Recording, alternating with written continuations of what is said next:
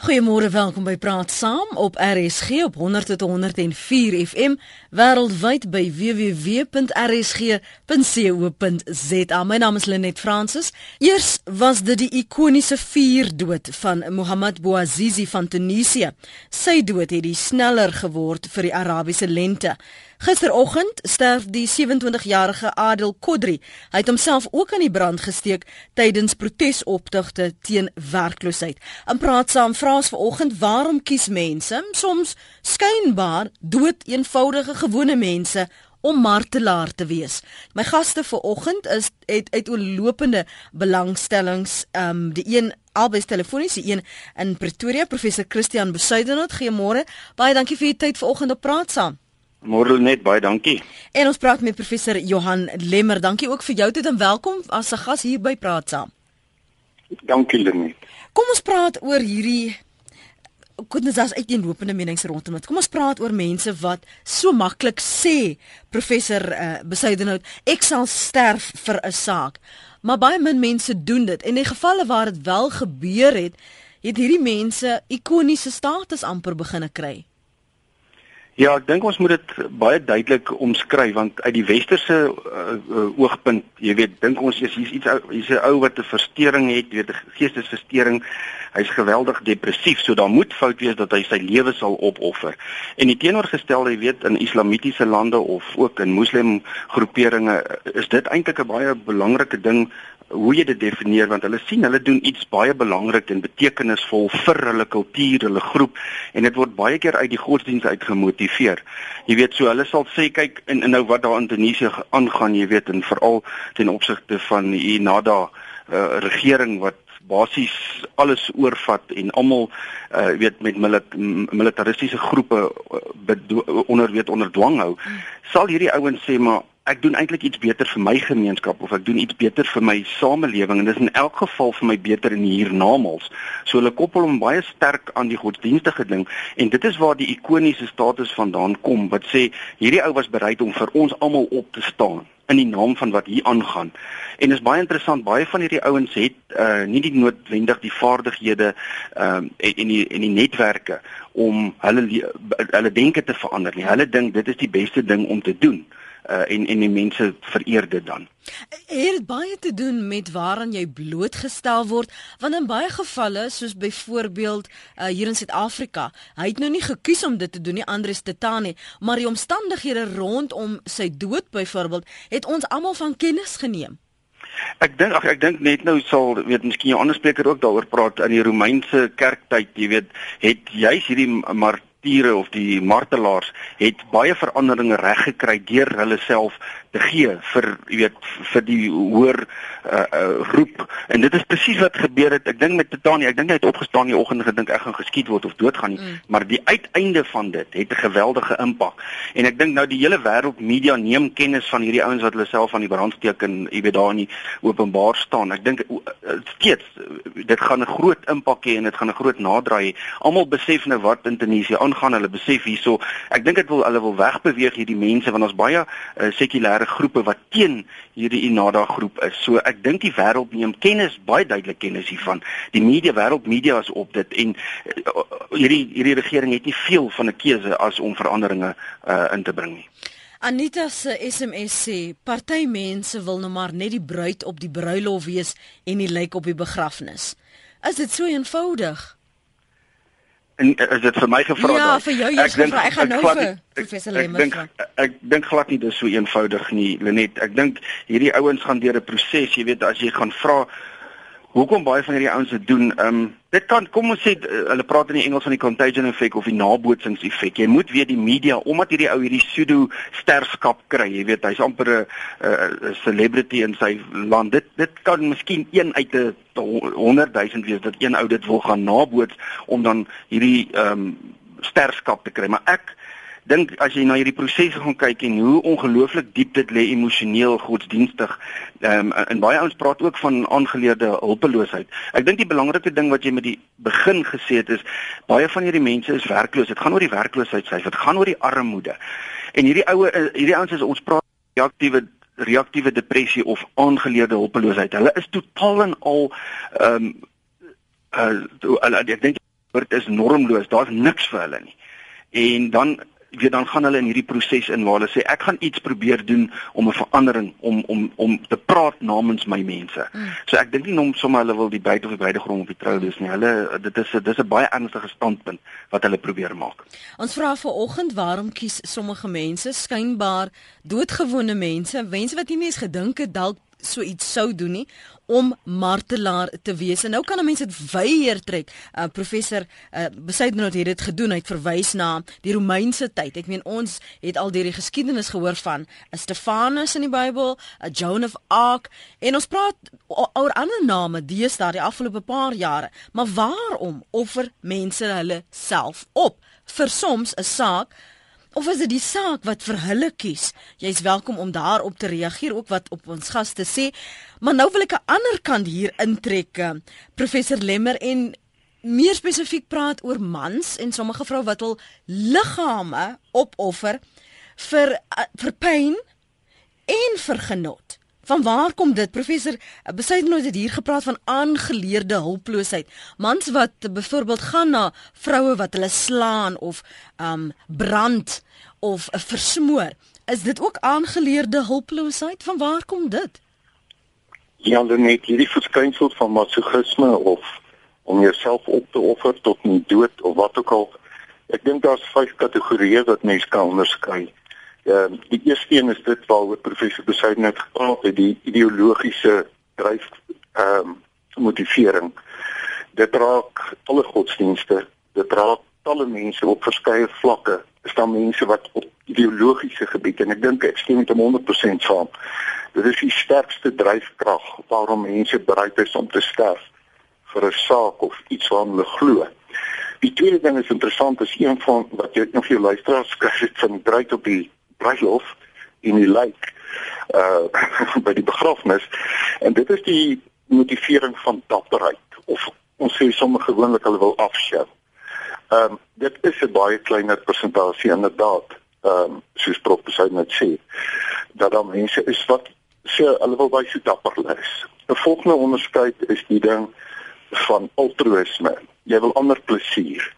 En dit lê meer na die seksuele kant en dit waarna jy verwys nou dat mense dit doen doodgewoon om omdat ander mense plesier daaruit kry om hulle te manipuleer.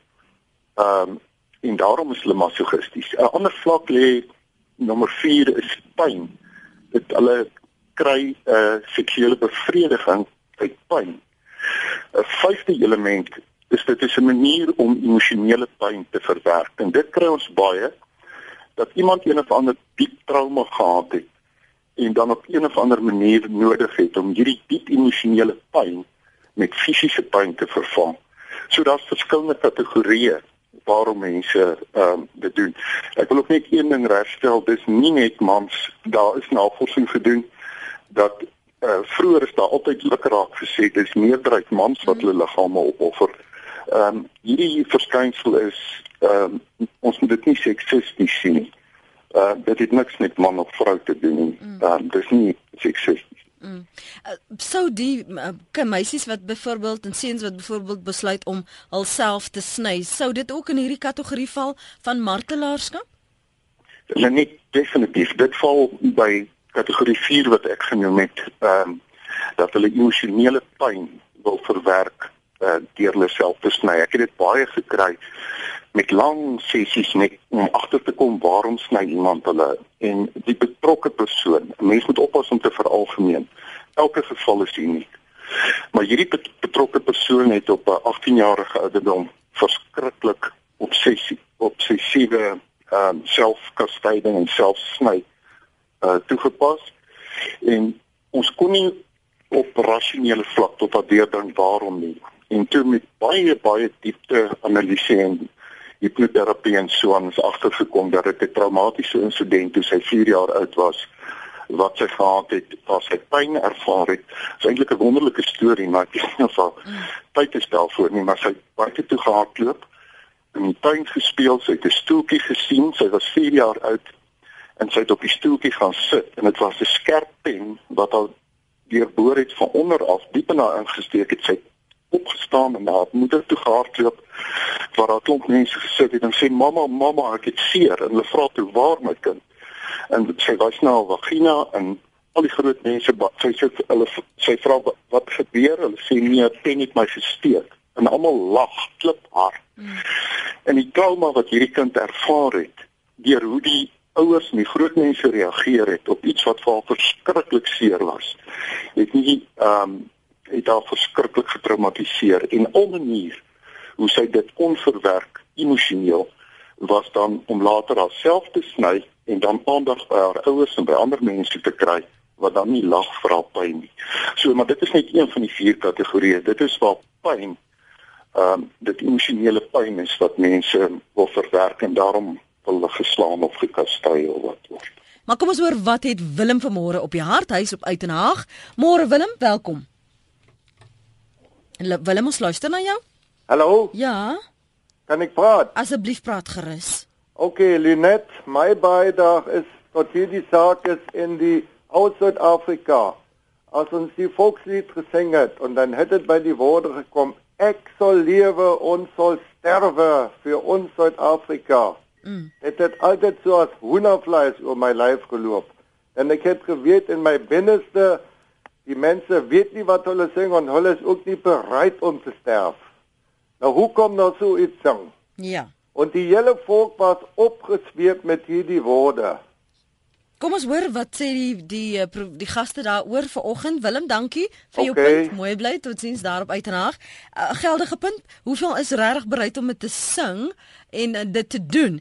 Professor, uh, besluit nou miskien vir jou vra wat ek dink jy het baie diepte wat dit betref. Ja, ek dink wat baie belangrik is, weet dit het nie so sleg gegaan met die gemiddelde kom ek sê blanke bevolking op daai stadium waar daai lied gesing het nie.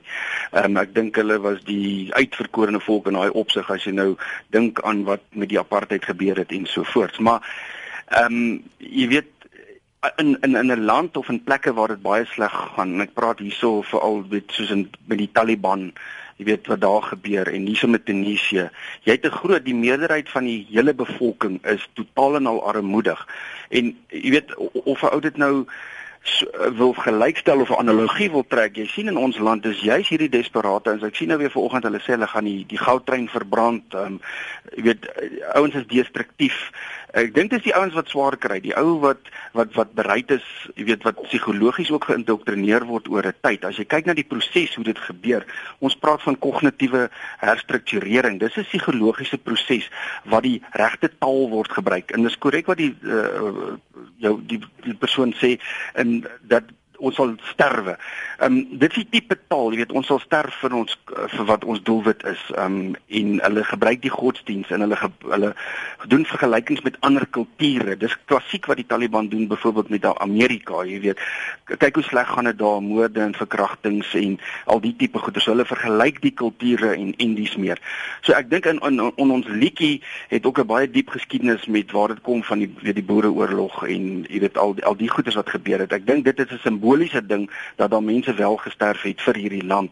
Ek dink nie dit is presies weet in die konteks van wat mm. ons nou besig is om te mm, bespreek nie. Mm, so in kort jou jou jou arm ou wat desperaat is, hulpeloos en daar's niks vir hom nie, hang graag 'n leier aan want hulle het 'n ons net sê 'n foutiewe identiteitsontwikkeling veral as jy na Erikson se se fases gaan kyk en hierdie negatiewe identiteitsvorming is eintlik positief vir sy eie groep want hy gaan teen wat wat wat die regering voorskryf en en hy is die tipe ou wat 'n martelaar sal raak. Mm.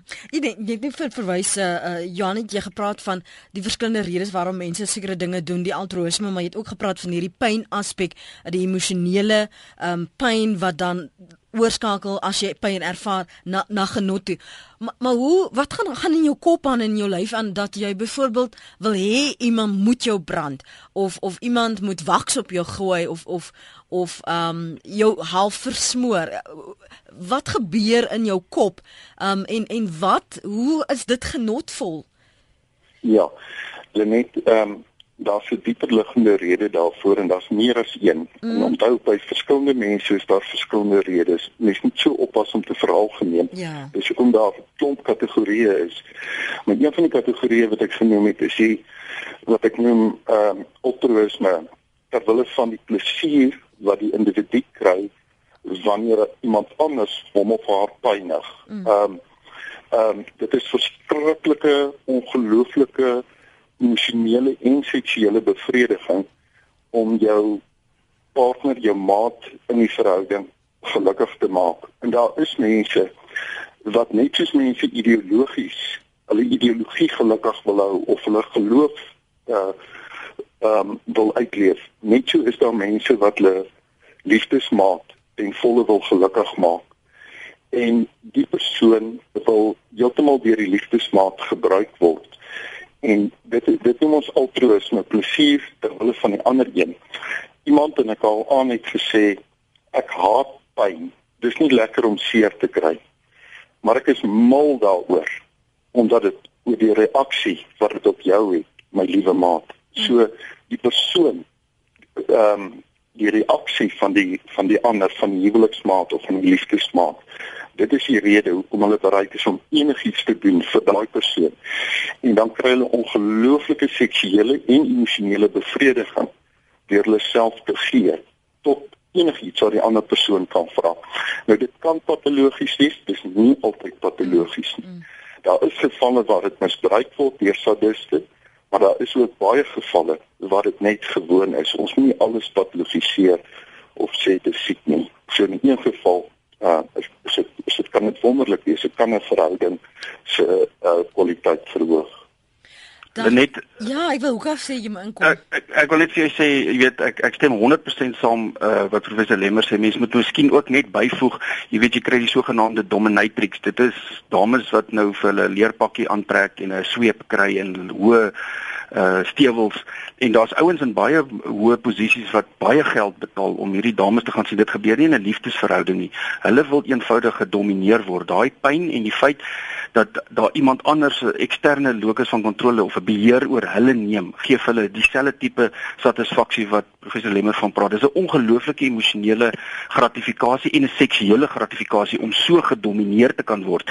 As hulle klaar is stort trek aan en gaan huis toe en en daar's 'n ontlading wat plaasgevind het. 'n ongelooflike libido ontlading weet 'n seksuele drif energie ontlading wat plaasgevind het. Hulle gaan aan en dit is baie keer 'n oue regter 'n prokureur 'n polisieman in 'n hoë posisie 'n sakeman. Dit kan enige ou wees wat gaan dit gaan dit gaan dit oor mag eintlik dit is baie sterk magsgedrewe tipe ding hierso wat hulle daai bevrediging gee wat in wat van die die die navorsing sê is dat hulle is byvoorbeeld een van die verklaringe is Hulle is heeldag in beheer. Hulle moet heeldag besluite maak. Hulle moet heeldag kritiese besluite maak. Jy weet en en en die gevolge daarvan dra. Wanneer hulle in hierdie tipe situasie ingaan, is hulle heeltemal onderdanig aan hierdie dominatrix. Sy kan eenvoudig besluit wat er nog gebeur. Sy kan hom tugtig, sy kan met hom raas, sy kan hom sleg sê en hy kan weggaan, maar dit is die waar die bevrediging vir hom lê.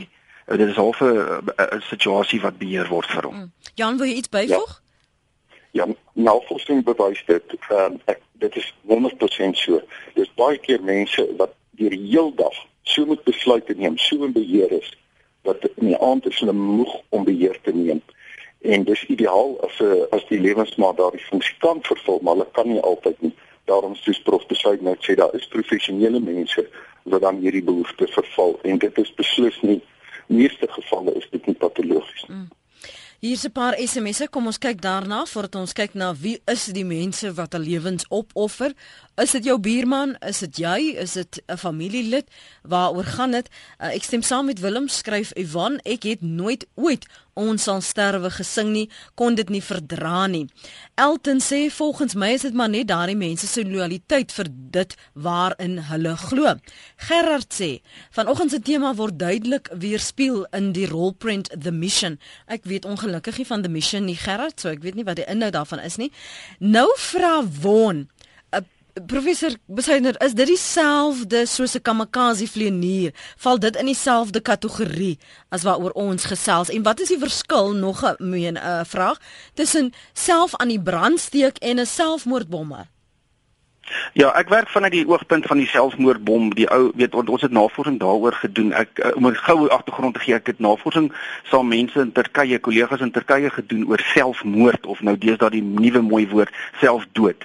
Ehm um, en en de, hulle motivering in in daardie lande is totaal en al anders. Jy kry een of twee wat selfmoord pleeg want dinge gaan net nie meer goed genoeg weet of uh, dit werk net nie meer nie maar as ons praat van 'n ou wat 'n self uh, moord bomaanval loods Hulle gaan deur 'n lang proses. Jy weet hulle uh, weet hulle het 'n karismatiese leier, hulle het 'n groep. Daar word ook gesê daar's dis baie beter in hiernamaals. Ek wil nie sê wat se voordele wat vir hulle beloof word ensovoorts nie. En dit word geglo. Daar word ongelooflike voordele vir hierdie ouens voorgehou. En as jy niks het nie en en ek wil net die die die mite wat bestaan dat dit hierdie absoluut altyd arme mense is wat niks het nie. Ehm um, jy weet daar's nie weer vir hulle enige hoop in die lewe nie. Wat baie interessant is, daar selfs ouens in die middel en hoër klasse wat uit 'n baie goeie gesin kom wat by hierdie groepe aansluit want hulle dink hulle doen dit vir hulle hele kultuur, hulle beskerm hulle kultuur. Ehm um, jy weet hulle en, en dan die taal wat ook gebruik word deur die leiers. Ons praat van eufemistiese taal. Hulle sal sê ons gaan die vyand uithaal. Hulle sal nie sê jy gaan jouself laat ontplof in miljoen stukke en hulle gaan vrek nie. Hulle is nie daai tipe taal. Hulle sê jy ons gaan die vyand uithaal en jy doen dit vir die godsdienst en die behoud van jou kultuur. En as jy dit doen, sal jy nie hiernamaals vergoed word 10 maal met ABCD.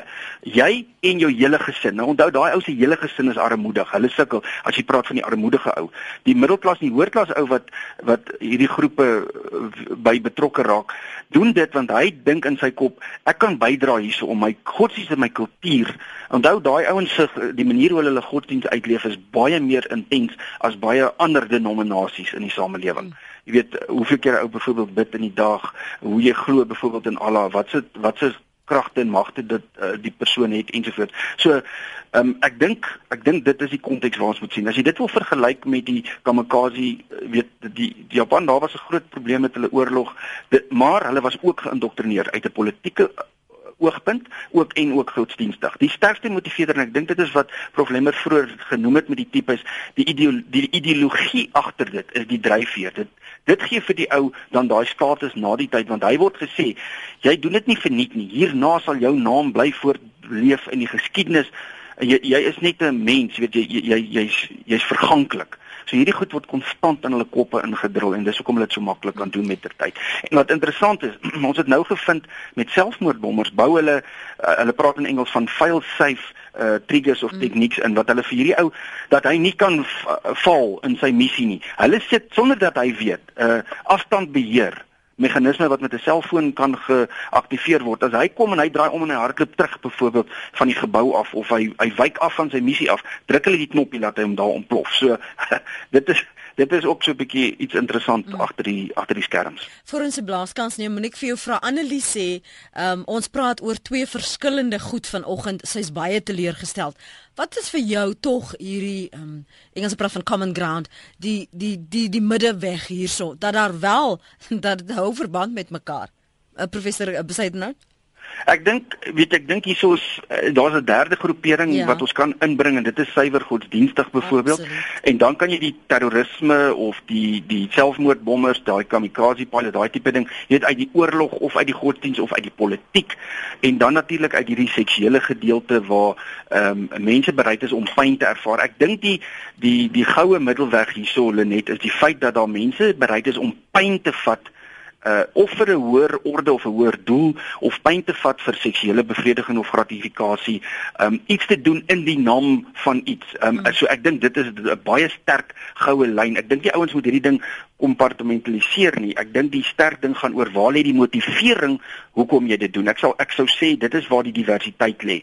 Polities, seksueel en miskien selfmoordbommers of uh, of ma, uh, martelaars wat hulle self aan die brand steek vir 'n bepaalde doel. So ek dink dit elke een het 'n ander motivering agter hom, maar daar's 'n bepaalde doel met hoekom jy dit doen. John, kom ons hoor van jou. Jy's daar op Nuisna. Wat is jou punt vanoggend? Uh môre is dit Lenet? Ja, jo, John. Goed, ehm um, ek, ek gaan vanmôre van 'n geestelike kant af kom met die uh saak. Mm. Ehm um, selfmoord ehm um, is is iets wat al baie lank al aankom.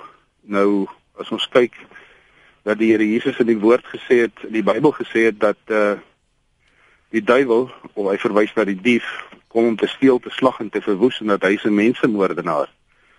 So hy sit sy geeste in mense en dan hierdie geeste dryf mense om hierdie dade te verrig en so dan nou uiteindelik uh jy weet jou lewe te verloor. Ehm um, so dis wat my bydrae in kort. Goed. Dan Johan daar van Nysna se mening, hoe is dit anders vandag as in die Romeinse tydperk byvoorbeeld? Uh, Johan Lemmer, het, het was daar ook sulke voorvalle?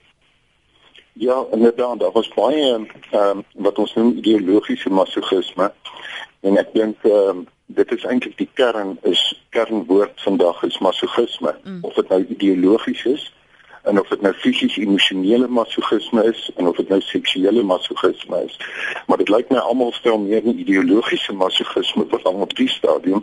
Nou inderdaad was dit dat ehm um, daar maar klare vir Christus was en dit het hulle nie net almal tot met dood hulle lewe aflê nie dit ook maar hulle het ehm um, hulle self ook geslaan ehm um, uh gekastei selfkastyding mans wat hulle geslaan het daar was dit veral die mans wat hulle geslaan het terwyl hulle van hulle geloof om meer heilig te word party ouens bo 'n boom gaan klim en gedink dat hulle meer heilig kan word ander ouens Dan Brown skryf in sy boeke daaroor mm. wat hulle self kastei het met sweep geslaan het en gedink het so word hulle meer heilig en hulle ehm um, verhef die siel bo die bo die liggaam. Ehm um, ja, so dit kom 'n lank pad. Daardie tipe ding kry ons vandag nie meer in die geloof op daardie manier nie. Ons kry wel 'n soort van 'n emosionele godsdienstige masochisme van mense wat hulle self destruktief sal vernietig terwyl hulle van hulle geloof of hulle ideologie Hier hier se mening van uh, iemand anders wat sê dit is een ding om homself te vernietig, maar waarom neem hulle onskuldige mense saam? Dis Johan in Belwel se mening. Isak sê, daar is tog baie individue wat hier plaaslik hulself willens en wetens doodwerk ten beswil van hul medemense in die gemeenskap, sommer so ongemerk, sonder dat iemand 'n oog daaroor knip. Wil iemand wag of iets daaroor te sê? ek sê dit is gesonde altruïsme wat hy sê. Ja. En hy kry sy salaris op die einde van die maand, so hy moet nie te veel kla oor dit. Ehm um, net net gou miskien om my laaste een om by aan te sluit by problemer. Ehm um, jy weet ons moet vinnig kyk na hoekom so ou se motivering is en ek dink oor die oor die SMS wat jy ontvang het. Hoekom neem jy dan onskuldige mense saam?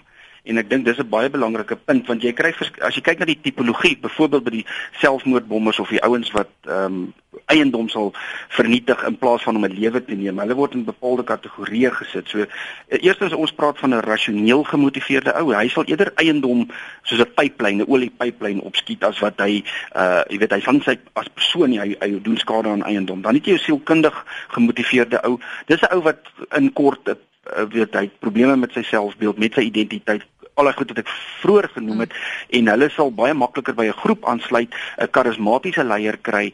Um, uit hulle uitkry jy ook die sogenaamde lone wolf terrorisme. Met ander woorde die ou wat heeltemal alleen en as die luisteraars wil gaan kyk The Jackal, daai film is uh, seker op DVD mm. beskikbaar. Mm. Gee vir jou baie goeie idee. Die Unabomber in Amerika is 'n klassieke voorbeeld van hierdie psigologies gemotiveerde lone wolf of alleen wolf terroris. En dan die laaste een, ek dink en dit is hier waar die antwoord kom vir die persoon wat ge-SMS het. Ons praat van die kultuur, kultureel gemotiveerde ou.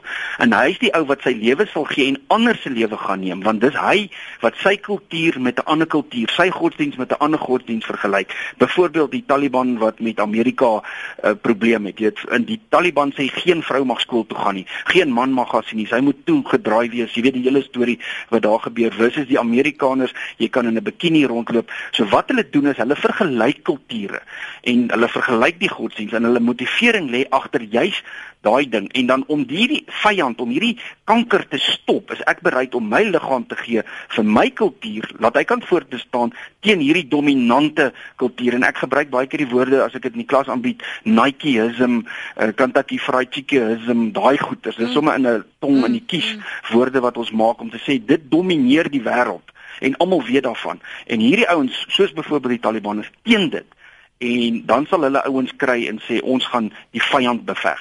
En dan sal hy die onskuldiges neem. En dit is want dit is want dit is om 'n boodskap te gee aan die media aan die wêreld dat ons teen hierdie kultuur is. Maak nie saak wie voor ons kom nie.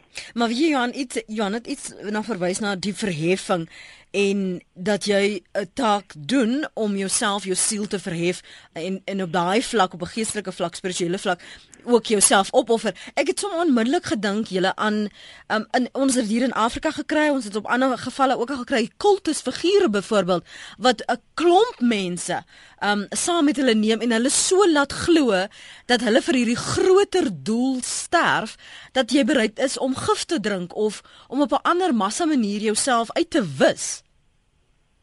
Sou dit onder ja, daardie martelaarskap ook val?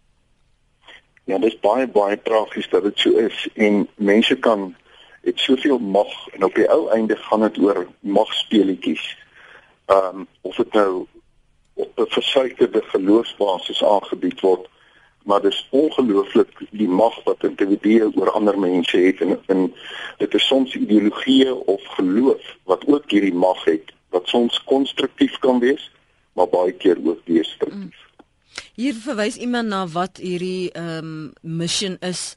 Ek probeer dit nou gou opsoek en dan moet ons byna byna groete Michelle handel deels skryf iemand oor oosterse godsdienste waar selfpyniging toegepas word deur skerp swaar voorwerpe in jou liggaam uh, te steek of te hak. Dankie vir daardie SMS, dit klaar dit vir ons op oop. En dan is natuurlik baie reaksie oor mense wat uh, praat oor die volkslied wat sê ons sal sterf vir jou Suid-Afrika is bedoel in geval van 'n oorlog, soos ons kinders wat oor ons grense gesterf het toe hulle weermag toe is.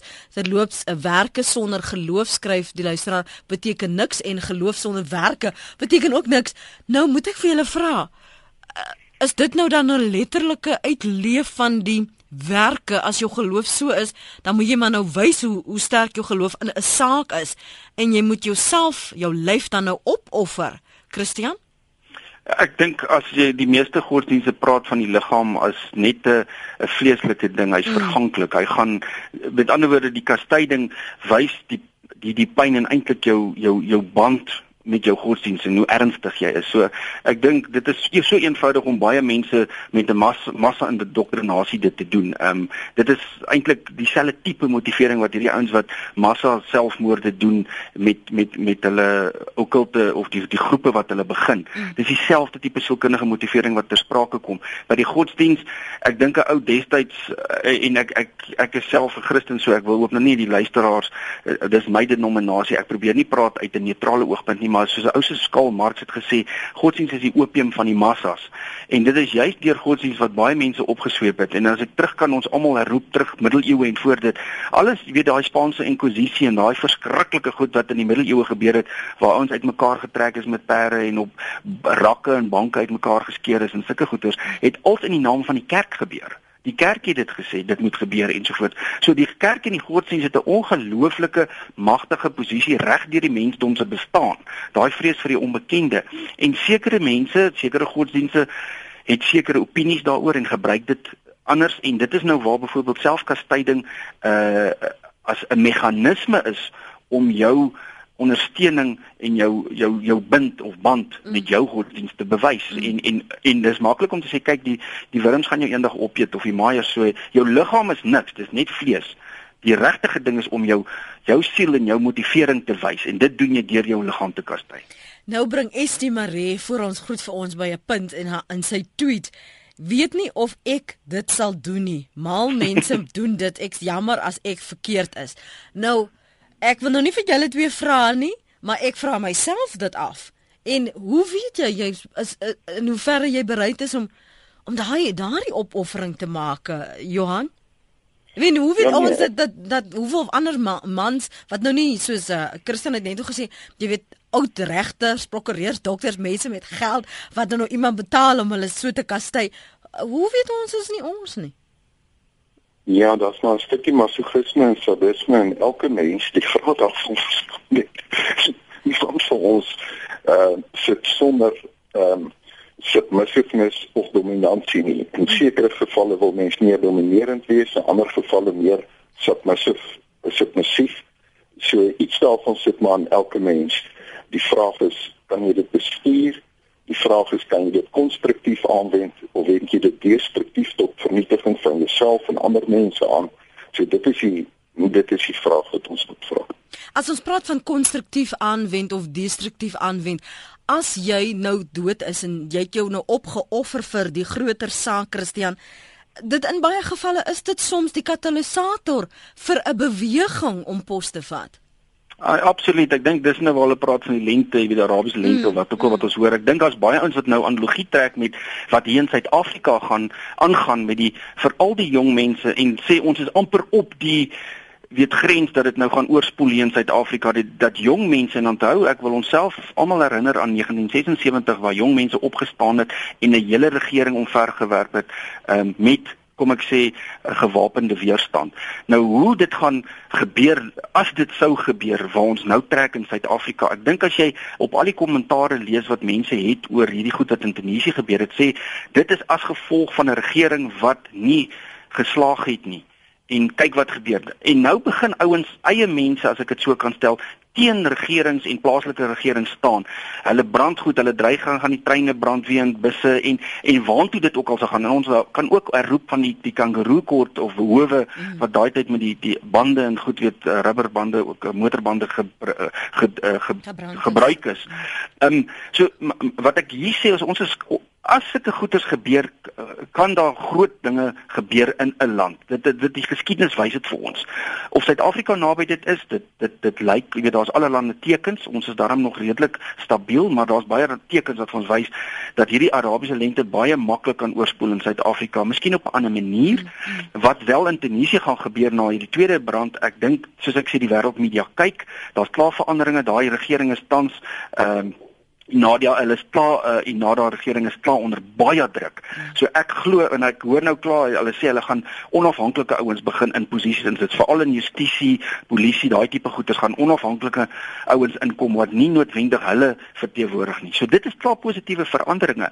Wat wat my, my, wat mense bevraagteken is dat 'n ou soos in in 'n buurland soos Zimbabwe, jy weet jy wonder maar jy het nog nie regtig ouens gesien wat daarso ehm um, hulle self laat of wat martelare word uh, vir teen die regering. So ek ek wonder of ons dit so sal sien dat in verskillende Afrika lande hierdie goeders gaan gebeur as hulle sien dat Tunesië suksesvol gaan wees. Ek wil gou vinnig ehm um, aandag gee aan Gerard Hollander van Louis Trigard se mening en vraag en ek wil gou vinnig van jou ook hoor wat jy daarvan dink Johan. Hy sê wat van mense wat vas is dit ook nie maar 'n deel van hierdie Ja, dis presies dit. Dis uh hierdie ding kom al van Plato se tyd daar wat gesê het die liggaam is 'n kerker vir die siel, 'n tronk vir die siel. Die siel is vasgeketting in hierdie liggaam, bevry word van die liggaam. So dit kom van Plato se tyd af. En van daai tyd af uh is daar al 'n blande maniere om hierdie liggaam te kastei en vas is een van die forme dwars deur die eeue. Ehm um, wat dit is. Nou ja, ek sê weer Mens kan al hierdie goed kan jy op 'n positiewe manier aanwend as jy dit reg bestuur, maar meestal word dit ongelukkig destruktief aangewend tot vernietiging van jouself of ander. Julle baie dankie vir julle tyd vanoggend hier op Praat Saam. Ons is nou so geprikkel. Ek weet nie hoe ek by al die boeke van hierdie week gaan uitkom nie want ek wil net lees, lees, lees en meer insig kry na aanleiding van wat julle en die ander gaste hierdie week gesê het. Baie dankie vir julle tyd vanoggend. Christian Besoudnout en Johan Lemmer en 'n mooi dag verder vir julle. Selfde dankie. Mooi bly. Dit was vanoggend se praat saamgemaak gerus dra op ons webblad www.rsg.co.za as jy weer na die gesprek wil luister.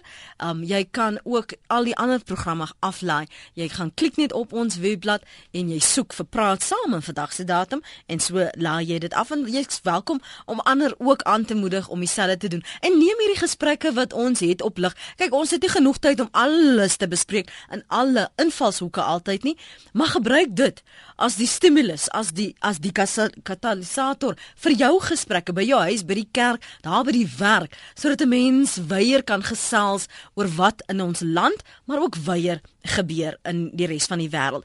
Dankie vir 'n lekker kuier vanmôre, môreoggend Vrydagoggend. Dis in 5 minute oor 8 en so 5 voor 9 praat ons verder. Hoop jy 'n wonderlike dag.